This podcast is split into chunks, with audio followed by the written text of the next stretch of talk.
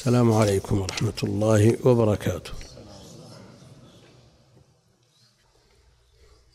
الحمد لله رب العالمين صلى الله وسلم وبارك على عبده ورسوله نبينا محمد وعلى آله وأصحابه أجمعين. أما بعد في الدرس الماضي ذكر النقل عن الإمام أحمد أن الصبر ذكر في القرآن الكريم في تسعين موضعا. واجتهد الأخوة وجاءوا لنا من هذه الآلات واختلفت الأرقام واختلفت كيفية العد ومنهم من زاد على التسعين ومنهم من نقص. ومعنا اليوم كتاب أشرنا إليه في الدرس الماضي وذكر المسألة في النقل عن الإمام أحمد. وأفاض فيها فنسمع شيئا منه وإلا بكلام طويل جدا. ابن القيم إذا بحث شيئا وفاه. سم. شيخ أحسن الله إليك. شيخ هيثم تتبعها بدقة. إيه؟ المواضع وبالألفاظ. وجد أنها أن الصبر ذكر في سبعة وسبعين موضعا. سبع وسبعين. أي بدون تكرار الآيات. ومع التكرار أربعة وثمانين. أربعة وثمانين. أي نعم. هذا بدقة وبالألفاظ يعني هو مس- مسك المصحف وتتبع الآيات. شو؟ معجم من فارس يعني مو بهو. محمد فؤاد عبد الباقي اللي جمعه.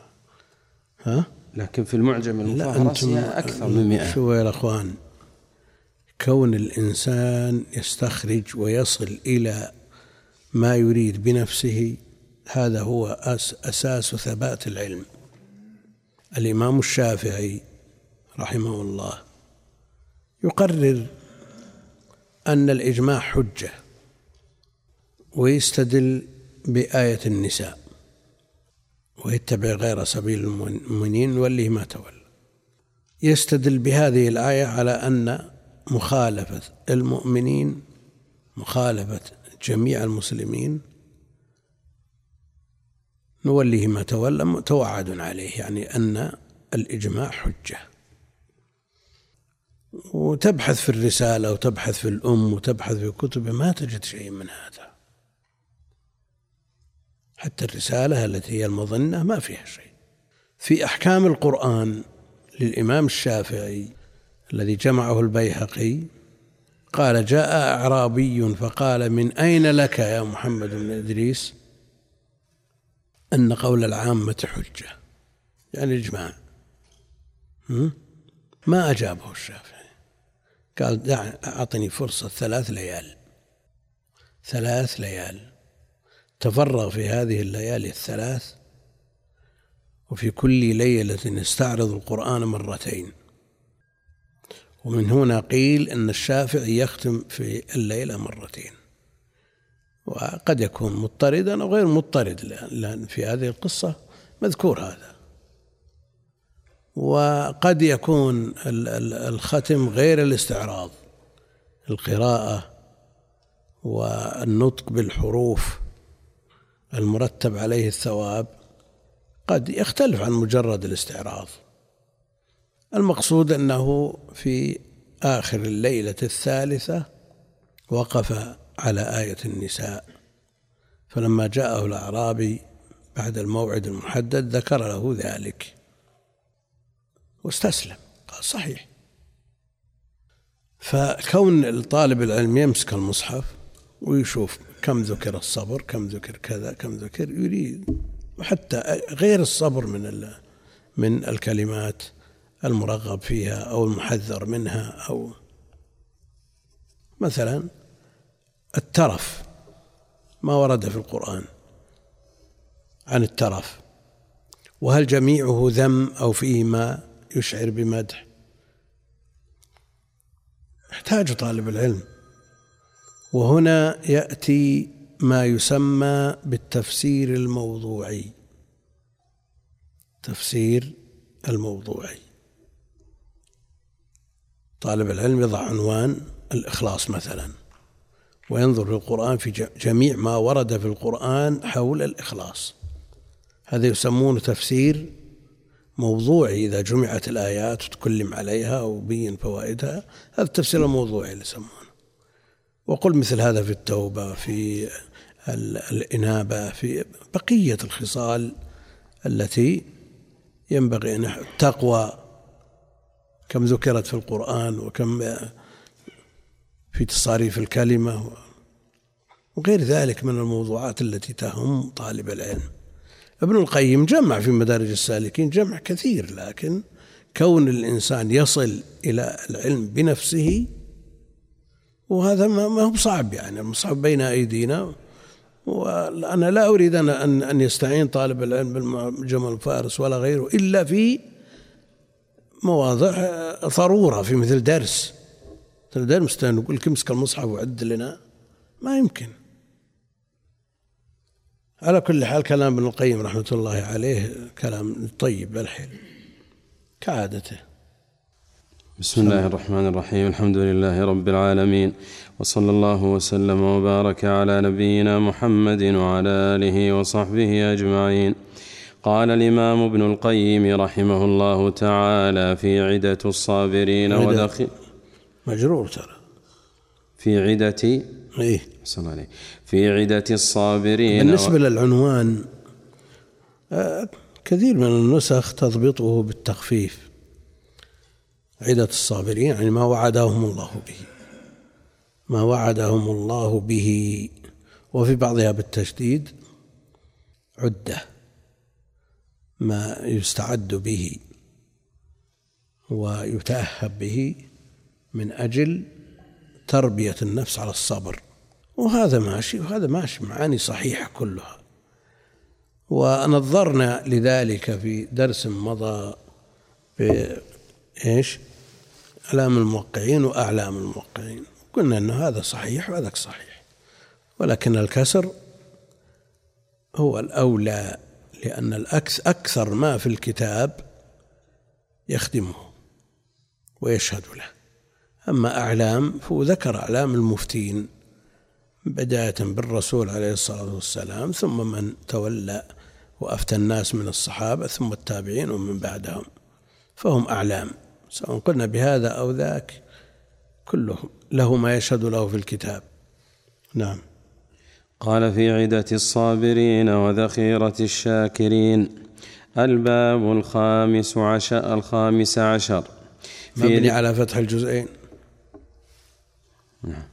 إيه الخامس عشر. الباب الخامس عشر. في ذكر ما ورد في الصبر من نصوص الكتاب العزيز. قال الإمام أحمد ذكر الله الصبر في القرآن في تسعين موضعا. انتهى.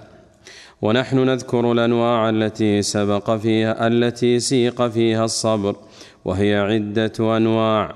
أحدها الأمر به كقوله واصبر وما صبرك إلا بالله. وقوله واصبر لحكم ربك. الثاني النهي عما يضاده. كقوله ولا تستعجل لهم. وقوله ولا تهنوا ولا تحزنوا وقوله ولا تكن نسأل أبو عبد الرحمن ولا تستعجل لهم أنت عديتها ولا ما عديتها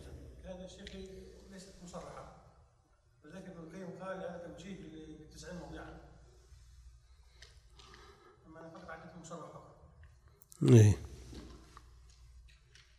نعم. وقوله ولا تكن كصاحب الحوت. وبالجملة فكل ما نهي عنه فإنه يضاد الصبر المأمور به. الثالث تعليق الفلاح به كقوله يا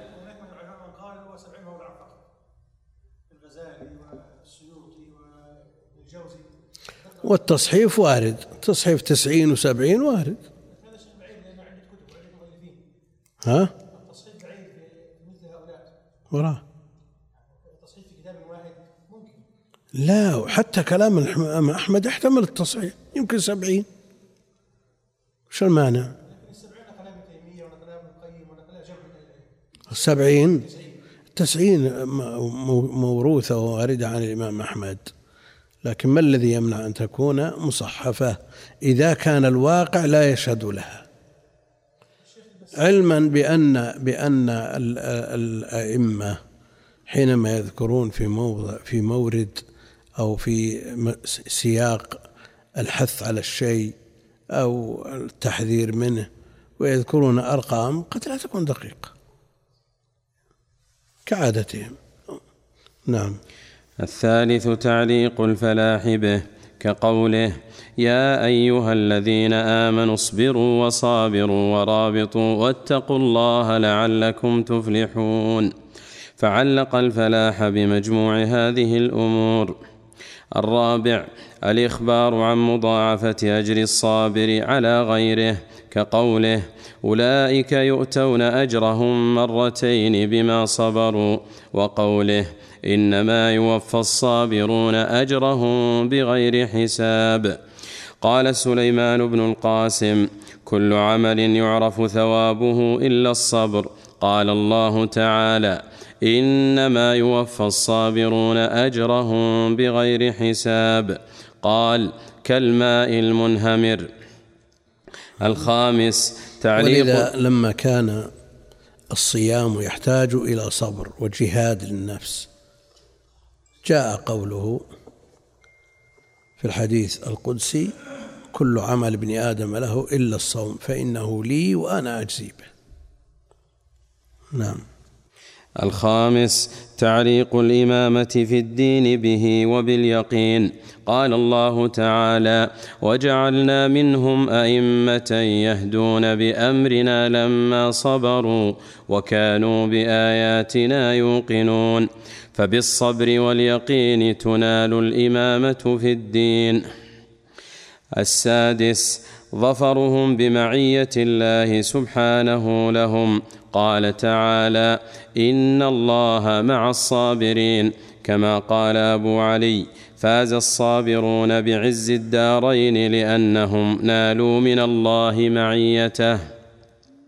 السابع أنه جمع للصابرين ثلاثة أمور لم يجمعها لغيرهم وهي الصلاة منه عليهم ورحمته لهم وهدايته إياهم. قال تعالى وبشر الصابرين الذين إذا أصابتهم مصيبة قالوا قالوا إنا لله وإنا إليه راجعون. أولئك عليهم صلوات من ربهم ورحمة وأولئك هم المهتدون.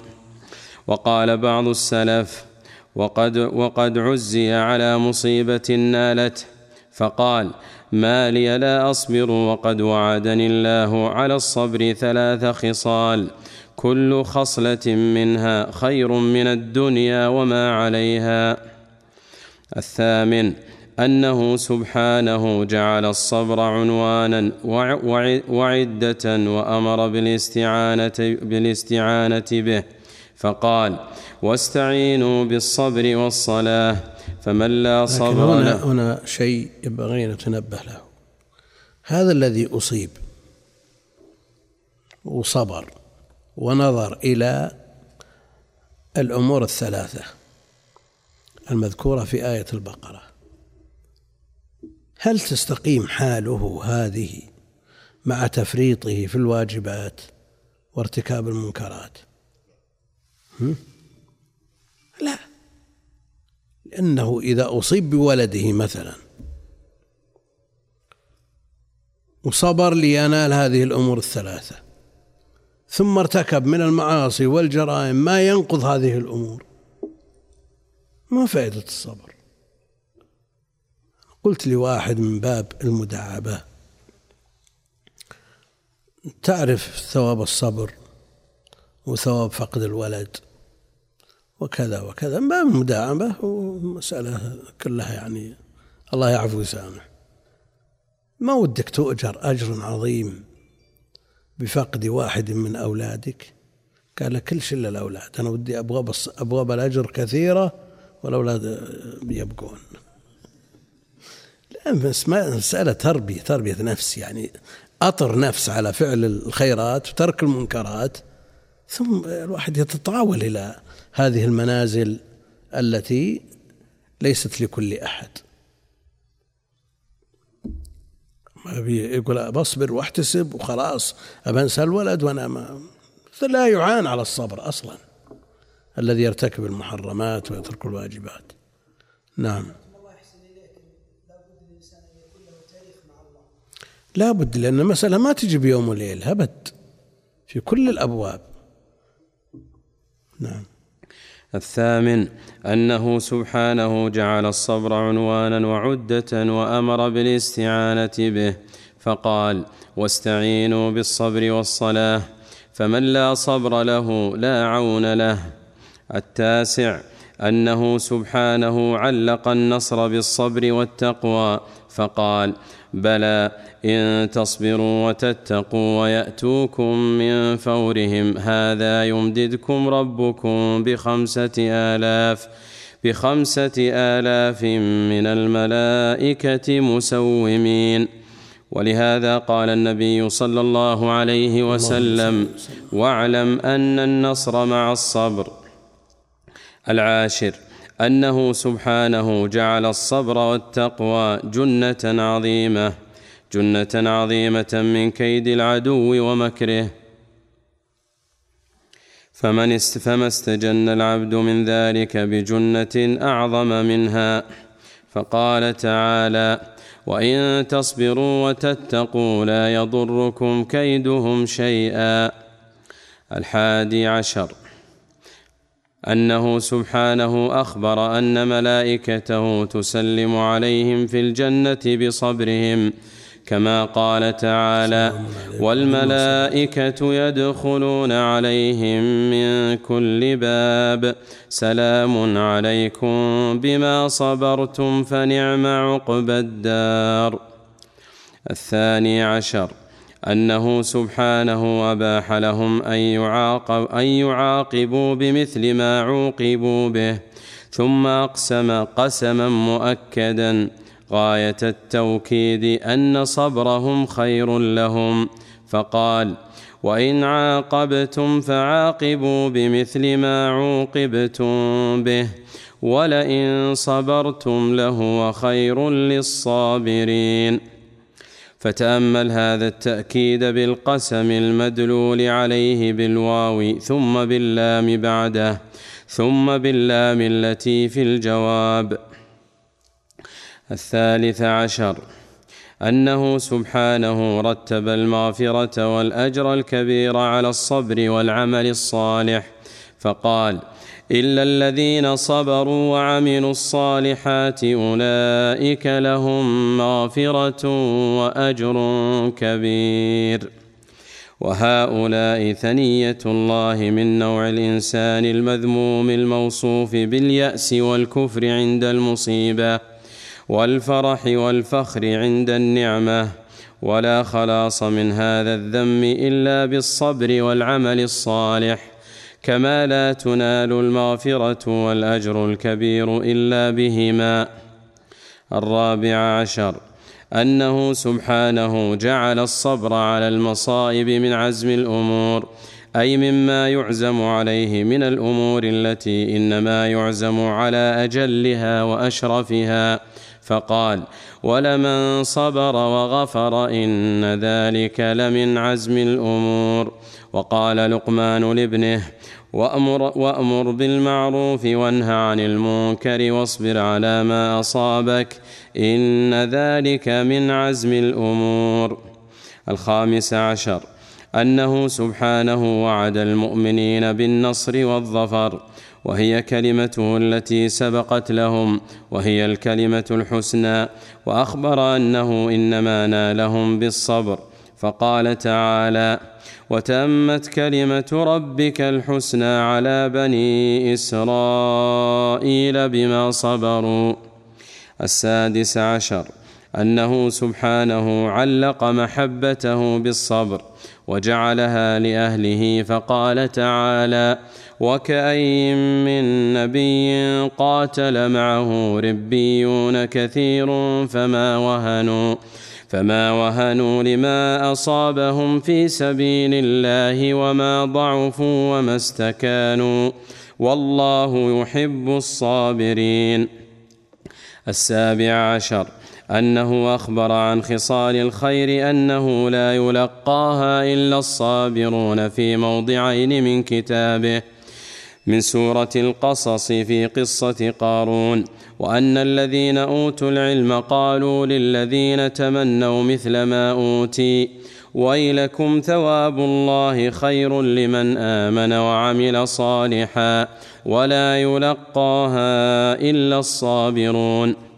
وفي سورة حاميم السجدة حيث أمر حيث أمر العبد أن يدفع بالتي هي أحسن فإذا فعل ذلك صار الذي بينه وبينه عداوة كأنه حبيب قريب. ثم قال وما يلقاها إلا الذين صبروا وما يلقاها إلا ذو حظ عظيم. الثامن عشر أنه سبحانه أخبر أنه إنما ينتفع بآياته ويتعظ بها. الصابر الشكور. فقال تعالى ولقد أرسلنا موسى بآياتنا أن أخرج قومك من الظلمات إلى النور وذكرهم بأيام الله. إن في ذلك لآيات لكل صبار شكور. وقال تعالى في لقمان ألم تر أن الفلك تجري في البحر بنعمة الله ليريكم من آياته؟ إن في ذلك لآيات لكل صبار شكور. طويل. وقال تعالى كثير.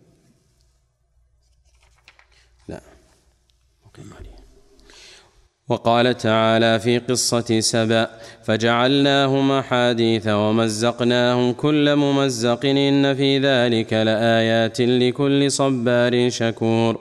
وقال تعالى ومن آياته الجوار في البحر كالأعلام إن يشأ يسكن الريح فيظللن رواكد على ظهره إن في ذلك لآيات لكل صبار شكور. فهذه أربع, أربع مواضع في القرآن تدل على أن آيات الرب إنما ينتفع بها أهل الصبر والشكر. التاسع عشر أنه أثنى على عبده أيوب بأحسن الثناء على صبره فقال خيرات كلها خيرات الدنيا والآخرة إنما تنال وتحصل بالصبر. الآن طالب العلم الذي لا يصبر ولديه عجلة وإذا أراد أن يبحث مسألة ما صبر على المراجع وسلق المسألة سلقا على ما يقولون. ما يستفيد ولا يفيد لكن إن صبر وراجع وتأكد وتحقق وحقق يستفيد ويفيد. يعني بعض الناس ما له ظهر ولا جلد على مزاولة ومعاناة الكتب وبحث المسائل وسهر الليل. إذا لم يكن مثل هذا فلن يحصل على علم. وقل مثل هذا في جميع الأمور.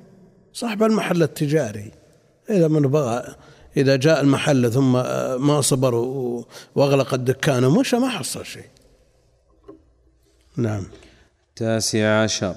أنه أثنى على عبده أيوب بأحسن الثناء على صبره فقال إنا وجدناه صابرا نعم العبد إنه أواب. فأطلق عليه قوله نعم العبد بكونه وجده صابرا. وهذا يدل على أن من لم يصبر فإنه بئس العبد العشرون. أنه لكن هل يلزم من انتفاء النقيض انتفاء ما يتعلق به؟ من يرد الله به خيرا يفقهه في الدين. الذي لا يتفقه أراد الله به شرا. ها؟ شو؟ من لم يتفقه في الدين؟ من لم يفقهه الله في الدين؟ هل أراد الله به شير شرا؟ لأن من يفقه في الدين أراد الله به خيرا. هم؟ لا يلزم. قلنا شخص عامي لا يقرأ ولا يكتب. آتاه الله مالا ولم يؤتي شيئا من العلم. وهذا موجود. فأنفق من أمواله في جميع وجوه الخير مخلصا لله جل وعلا. نقول هذا أراد الله به شرا؟ نعم. إذا انتفت إذا انتفى قوله نعم العبد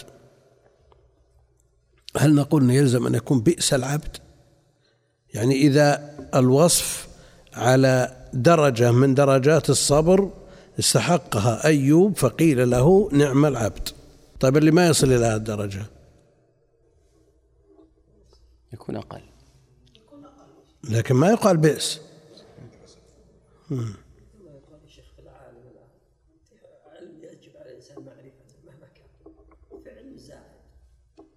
الواجب يذم فيما لو لكن الزيادة لكن العام الذي لا يقرأ ولا يكتب عنده شيء عنده أدنى قدر من العلم.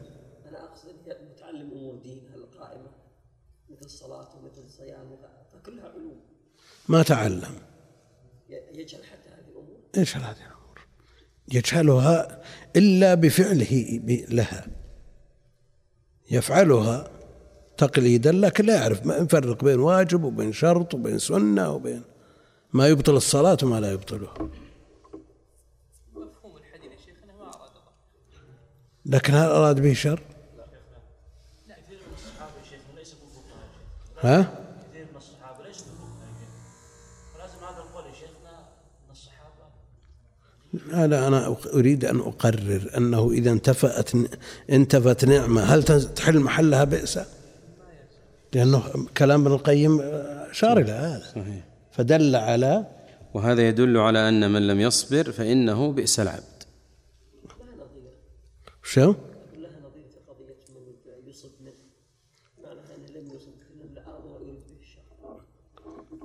به هذا تقدم هذا.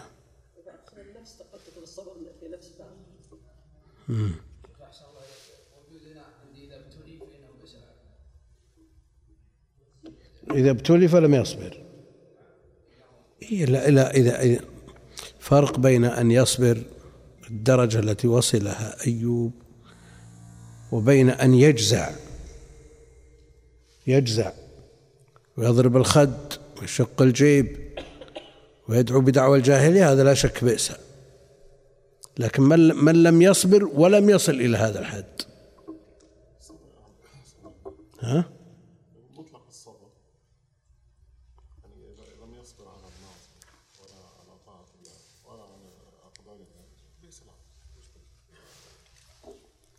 لا هو السياق نعم العبد في درجة عليا من الصبر. اللي درجة أيوب عليه السلام. نعم. من نزل عنها فيحل محلها بئسا نعم. السياق بالسياق السياق السياق هو ابن القيم جاء بضده. نعم كمل كمل. العشرون أنه سبحانه حكم بالخسران حكما عاما على كل من لم يكن من أهل الحق والصبر. وهذا يدل على أنه لا رابح سواهم فقال تعالى والعصر إن الإنسان لفي خسر إلا الذين آمنوا وعملوا الصالحات وتواصوا بالحق وتواصوا بالصبر. قال الشافعي لو فكر الناس كلهم في هذه الآية لوسعتهم. وذلك أن العبد كماله في تكميل قوة قوتيه قوة العلم وقوة العمل وهما الإيمان والعمل ما الصالح نقله ما نقله الإمام المجدد في الأصول الثلاثة عن الشافعي هل يطابق ما ذكر هنا؟ ها؟ وش يقول؟ اي هم؟ لكفته هم؟ إيه؟ قال هنا لو فكر. إيه؟ بالمعنى وجاء بالمعنى رحمه الله. لأنه يسوق من حفظه. نعم. و... وش؟ لا لا فكرت. دليل الإجماع ما وجد مخرج من كلام الشافعي. نعم. إلا في هذه القصة. نعم. وكما هو محتاج إلى تكميل نفسه فهو محتاج إلى تكميل غيره وهو التواصي بالحق والتواصي بالصبر وآخية ذلك وقاعدته وساقه الذي يقوم عليه إنما هو الصبر. الحادي, الحادي والعشرون أنه سبحانه خص أهل الميمنة بأنهم أهل الصبر والرحمة الذين قامت بهم هاتان الخصلتان ووصوا بهما غيرهم. فقال تعالى ثم كان من الذين آمنوا وتواصوا بالصبر وتواصوا بالمرحمة أولئك أصحاب الميمنة. وهذا حصر لأصحاب الميمنة فمن قام به هذان الوصفان. والناس, والناس بالنسبة إليهما أربعة أقسام. هؤلاء خير الأقسام. وشرهم من لا صبر له ولا رحمة. ويليه من له صبر ولا رحمة عنده. ويليه القسم الرابع وهو من له رحمة ورقة. ولكن لا صبر له.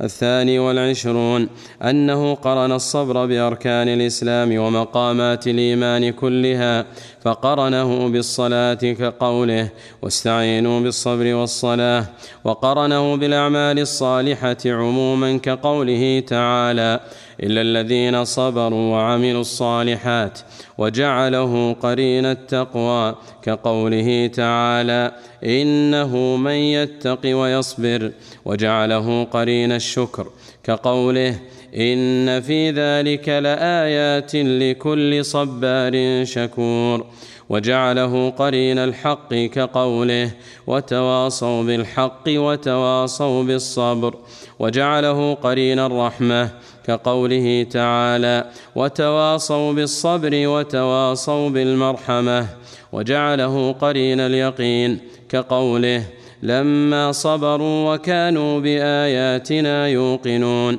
وجعله قرين الصدقة والصادقين والصادقات والصابرين والصابرات وجعله سبب محبته ومعيته وعونه ونصره وحسن جزائه ويكفيه بعض ذلك شرفا وفضلا.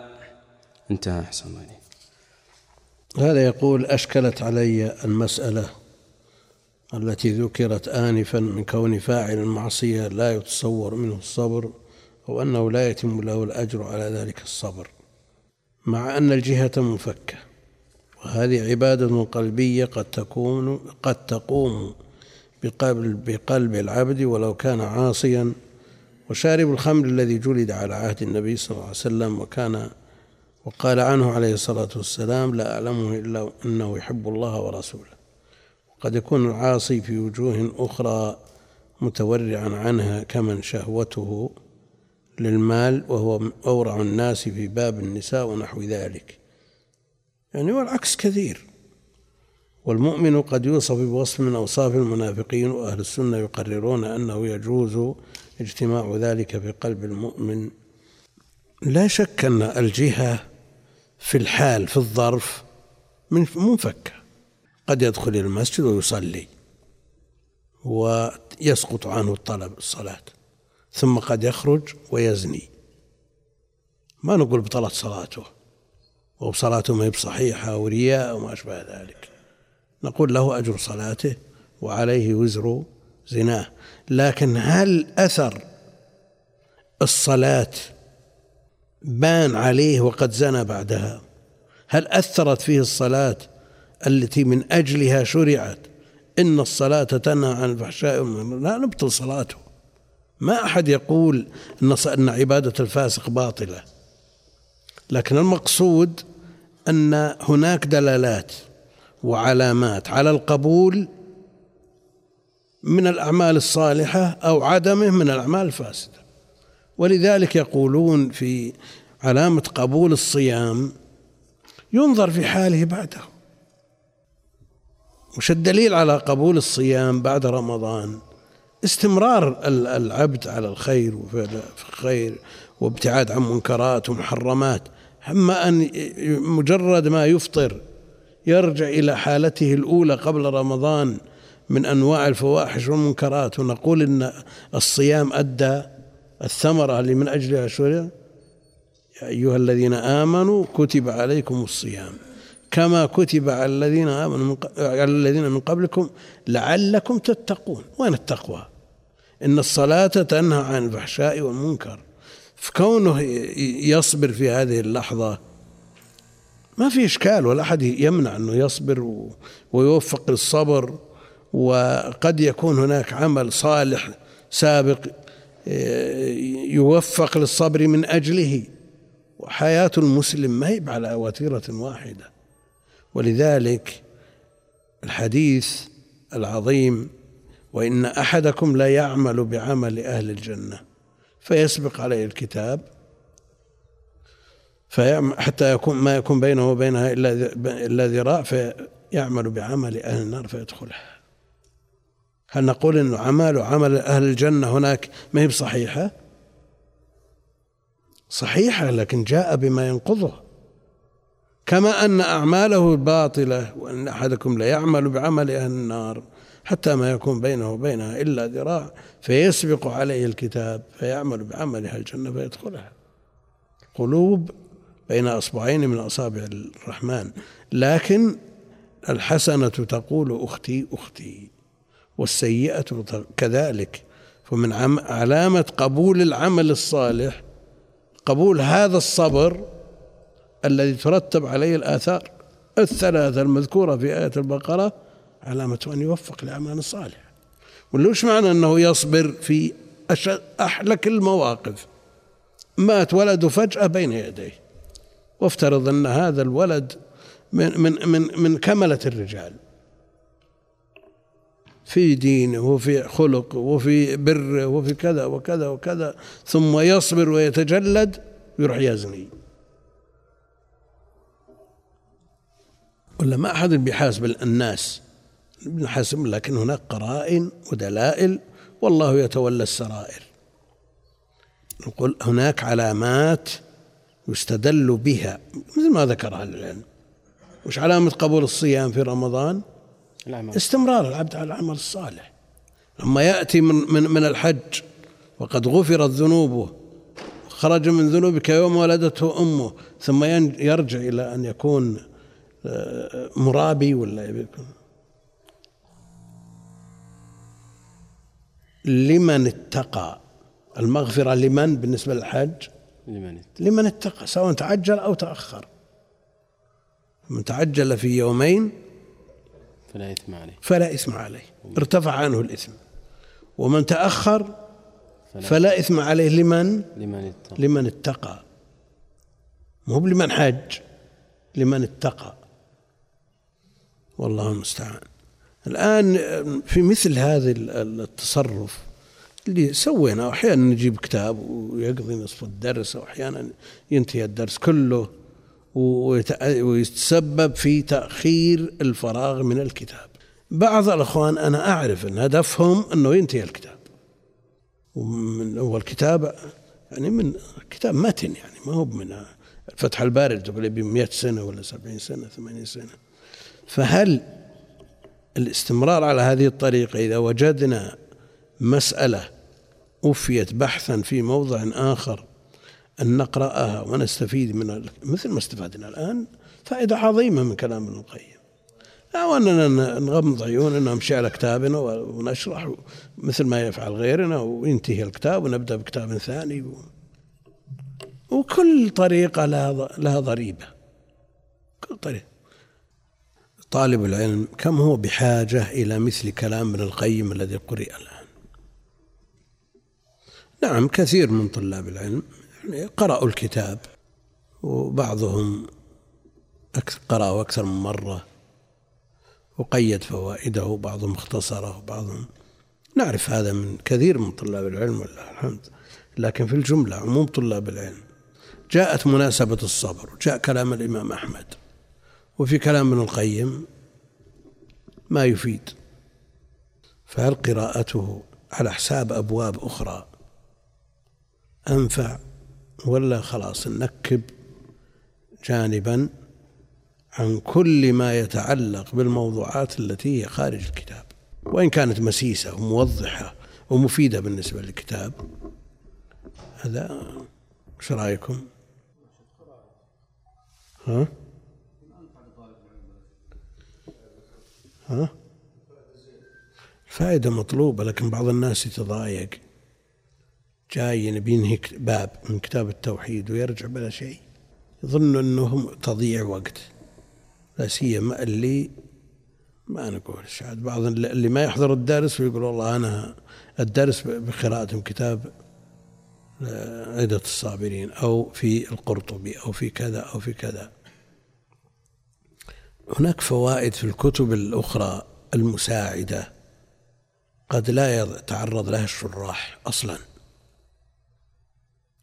دعنا من ابن القيم وكتب ابن القيم الشراح كلهم أهل عناية وحفاوة بكتب ابن القيم. لكن من يراجع القرطبي في مسألة بكتاب مثلا التفسير أو الحديث أو الفقه أو غيرها من الكتب. آه، الله يعينكم على الصبر. تحتاجون إلى صبر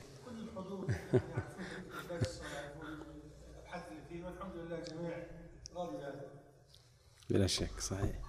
الكل يشتغل الطريق الحمد لله واسمعها في الاشرطه واسمعها الانترنت العبرة بما يبقى يا شيخ ليست العبرة بنهاية الكتاب. لا ولا سيما المتون اللي تنتهي بسنة أو سنتين أو ثلاث. ها؟ شو؟ هو ما لا لا ما هم تتابع التوحيد دورات. وما انتظم الا أخيرا دورات التوحيد اقصد ان درس درسين ثلاثة ما, ما فرقت معهم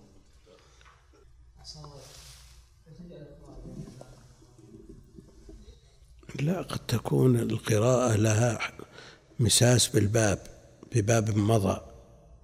ثم نأخرها تفوت الفائدة. تكون مرتبطة بالباب الماضي حتى في التسجيل. يكون تسجيلها مع الباب الماضي. على كل حال كله خير والأمر إليكم. لأن لما يقول الإمام أحمد رحمه الله ذكر الصبر في تسعين موضعا. طالب العلم قد لا ينشط إلى مراجعة القرآن وتطبيق هذه المواضع وقد لا ينتبه للتنبيهات التي ذكرها ابن القيم مرتبطة بهذه المواضع. الأمر الثاني ما ذكرته آنفا من التفسير الموضوعي المهم بالنسبة لطالب العلم هذا مثال من أمثلته. هذا مثال من أمثلته يحتذى حذوه في جميع المفردات التي يحتاجها طالب العلم في حياته. ولو مشى على مدارج السالكين طالب العلم وأخذ العناوين فقط. العناوين وترك مدارج السالكين كامل.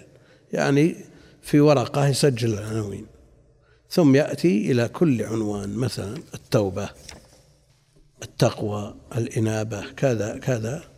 ثم يتكلم يذكر جميع ما جاء فيها من القرآن.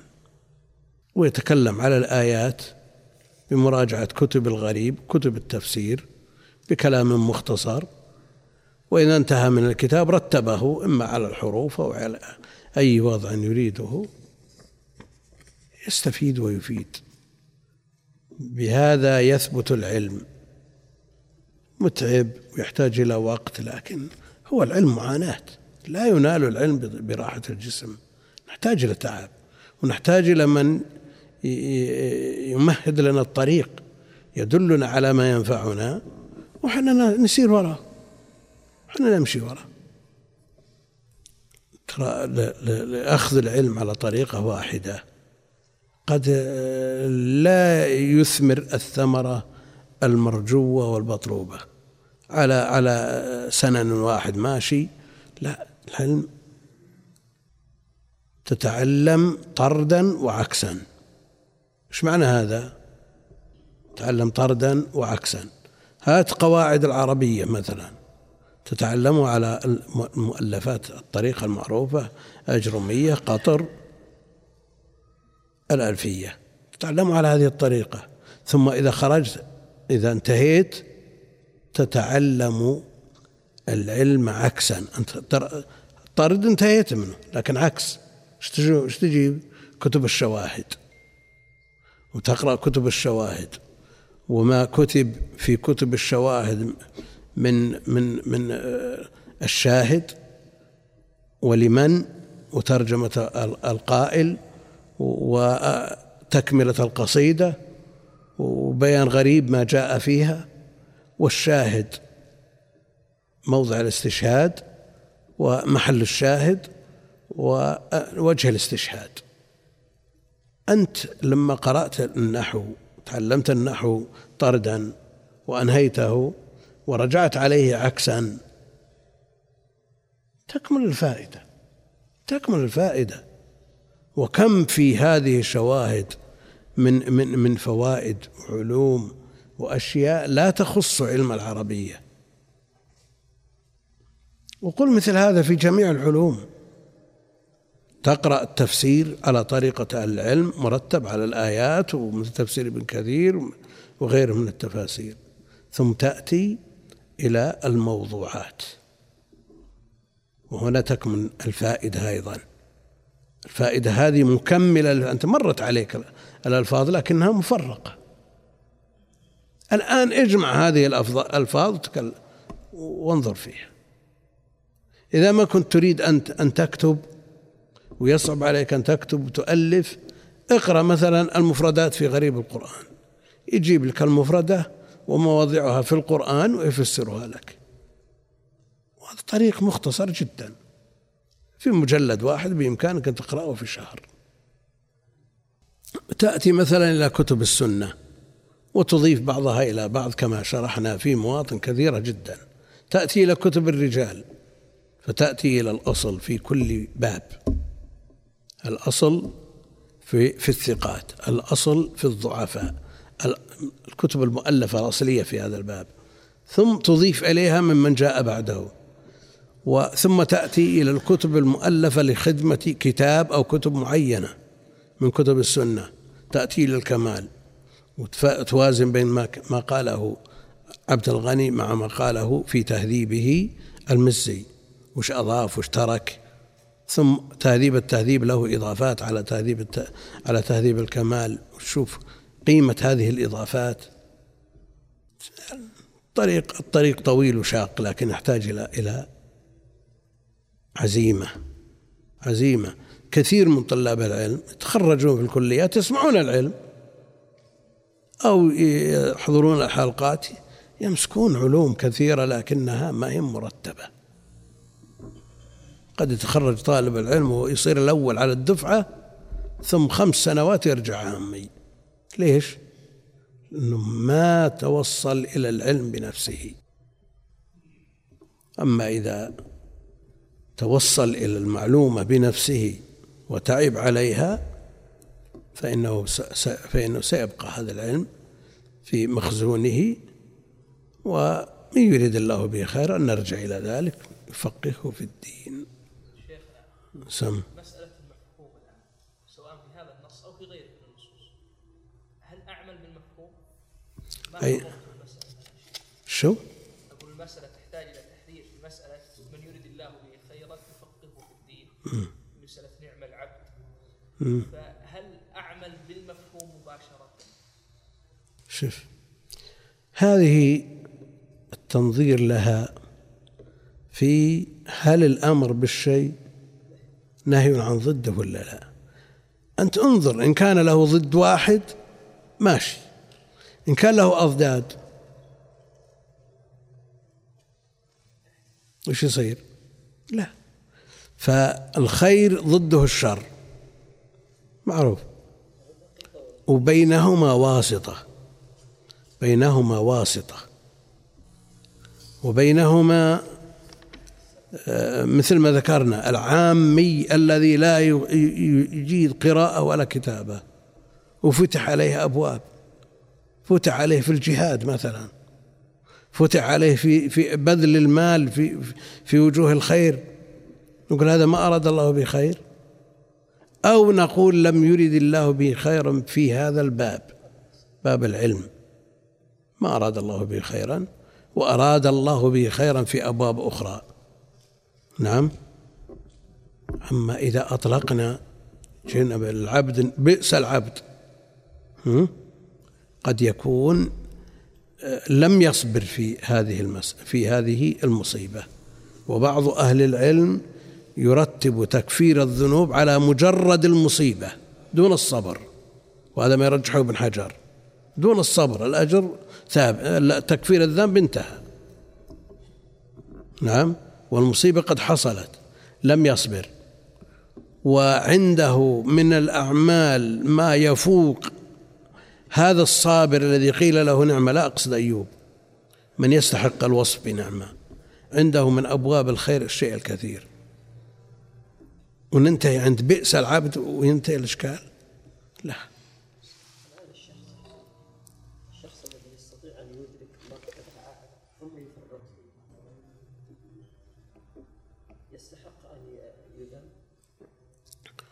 يفرط فيها. لا أحيانا يذم لما عنده من أقول قالوا المصيبة مكفرة للذنب لكن الكلام على ما يترتب عليها؟ إن صبر واحتسب حمد الله واسترجع هذا هذا أجر الصبر. يبقى إنه إذا لم يصبر جزع وفعل يستحق عقوبة يستحق ذنب.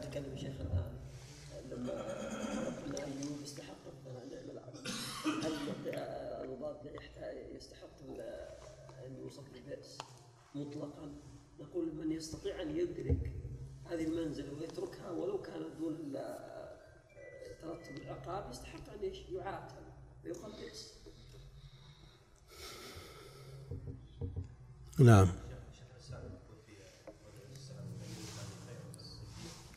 وكل من اراد الله به خيرا لا بد ان يفكره في الدين فمن لم يرد لم يفكره في الدين لم يرد الله به خيرا والدين ما بعث الله به رسوله هو الكلام على الفقه. لأنه الفقه بمعناه الأعم وهو الفهم. نعم. قد يكون عامي وعنده فهم. وعنده فهم لبعض المواطن الدقيقة. ونسمع من عامة الناس من شيبان عندنا نسمع عن حكم في هذا الباب. فهو متفقه في هذه الجزئيات التي يدركها. ويجيك واحد إحنا طالعين مسجد الراجح بعد صلاة العصر قبل شهر عامي واضح عليه إنه ما يعرف من العلم شيء. لكن يسألك أسئلة اكتسبها من من مجالسة من من من من مدرسة الحياة كما يقولون أو أشياء ولها نفس علم ونفس في الدين في الصلاة في كذا. واحد لا يقرأ ولا يكتب. سئل عن مسألة فأفتى؟ سئل عن مسألة فأفتى. وكلامه صحيح. قيل له اتق الله لا تفتي أنت عامي. أجرأكم على الفتية أجرأكم على النار. قال للقائل له كم عدد صلاة الظهر؟ ركعات صلاة الظهر؟ قال أربعة. قال أنت أفتيت. قال هذه ما تخفى على أحد. قال أنا اللي عندي أنا أفتيت ما يخفى علي. وبلغوا عني ولو آية. ها؟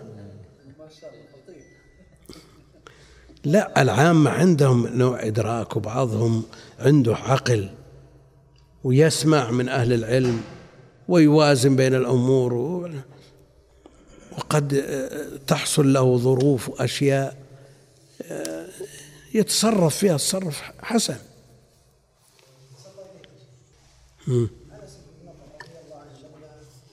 السلام.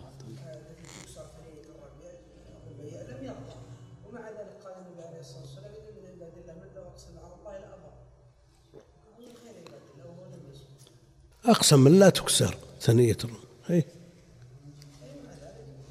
ليس شرطا من لم يصدر بئس العبد يكون كن من عباد الله لا أنا أقول أقول على كلام ابن القيم أنه قابل هذا بهذا. هذا ما الكلام ها؟ هذا الكلام هذا الكلام المسألة ومثل ما قلنا في من يريد الله به خيرا مع أننا نشهد بأن كثير من عامة الناس أراد الله بهم خيرا ولا تفقهوا. يعني شخص عمره كله إذا قبل الأذان يجي للمسجد وما يعرف ما عنده فقه. ويسبح ويذكر الله ويهلل و- هو على خير عظيم يذكر الله. افترض إنه ما يعرف يقرأ قرآن. يعني عامية آه، مطبقة. ثم بعد ذلك نقول بئس لم يرد أراد الله به شرا هذا. ممكن ان أن نقول في هذه الجزئية في هذا الباب. ما أراد الله به خيرا. لكن هل يلزم من كونه لم يرد الله به خيرا أراد الله به شرا؟ ما يلزم.